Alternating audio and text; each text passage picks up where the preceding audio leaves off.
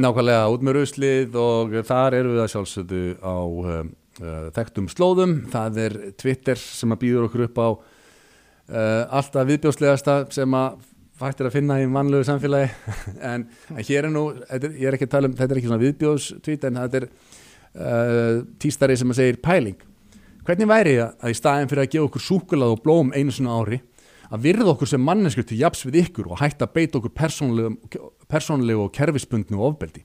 Þetta er sem sagt í tilefni konudagsins. Það var konudagurinn á sunnudaginn síðasta og, hérna, og mörgum konum finnst uh, gaman og, og þeim þykir væntum að, að fá blóm og, og það sé eitthvað svona hugsað sérstaklega til þeirra á þessum degi umfram alla hína dagana sem að er hugsað auðvitað til þeirra líka en þarna var sem sagt í tilhengni konundagsins þá skellir hún þessu upp. Hvernig væri staðin fyrir að gefa okkur súkulað og blóm einu sinni á ári að þá að virða okkur frekar sem manneskjur til jafs við ykkur og hægt að beita okkur persónulegu og kerfisbundnu og ofbeldi?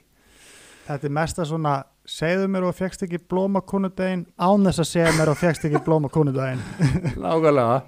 En hérna og svo segir þetta líka þessa sögu einhvern veginn að að eins og hún Alma Mjöll, hún er bladakonna á stundinni, eða heimildinni eins og kemur fram hana í bæjónunnar það sem að er stundu þessi aktivista bladamennska sem að gengur út á það að hérna, ekki að segja fréttir heldur þá vilja þau breyta heiminum og þau eru sem sagt búin að ákveða það að stærsta vandamál heimsins sé að karlar að jafna því í megin atriðum hati karlar allir saman konur og það þurfi sagt, þess að uh, helga þau sinni blamensku því að, að sagt, varpa ljósa á það hvað er mikið karl, mikið kvenn hatur hann úti.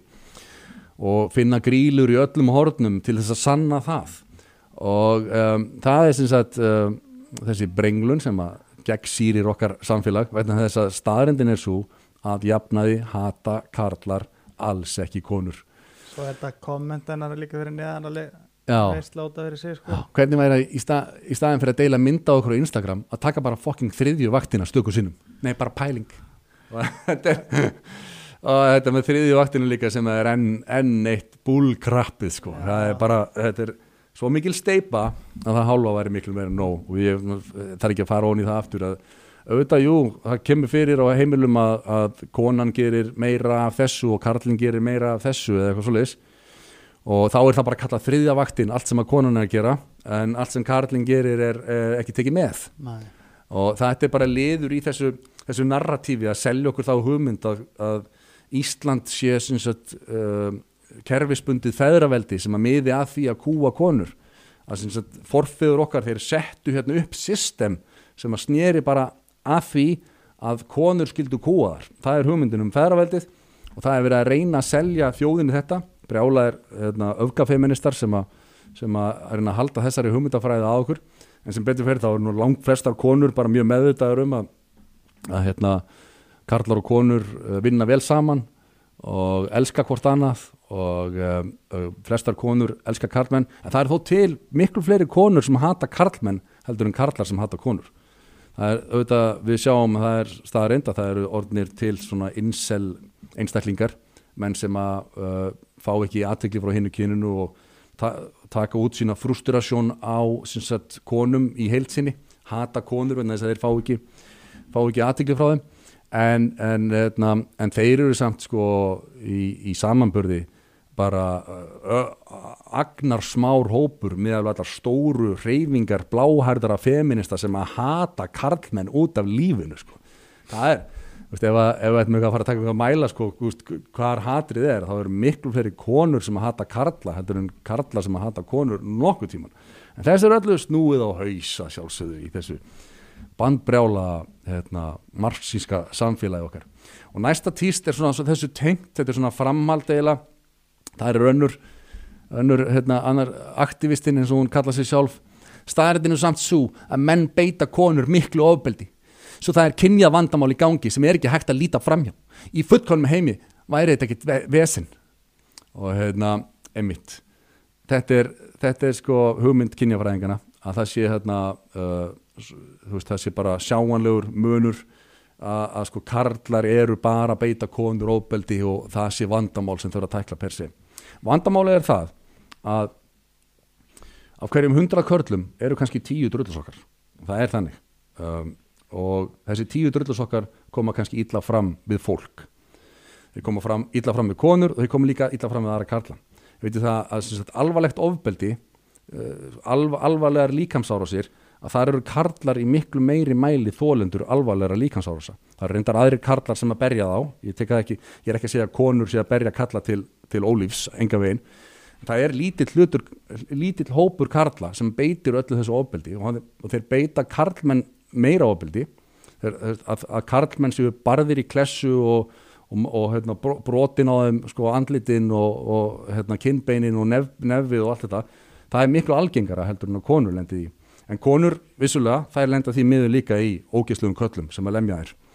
Og öll þau tilvikur er tekin fram einhvern veginn sem eitthvað sönnun þess að allir karlar hati konur. En staðrindin er svo að þetta er eins og ég sagði á hann lítill hluti karla sem beit ofbeldi. Það er lítill hluti karla sem að fremur glæpina alla.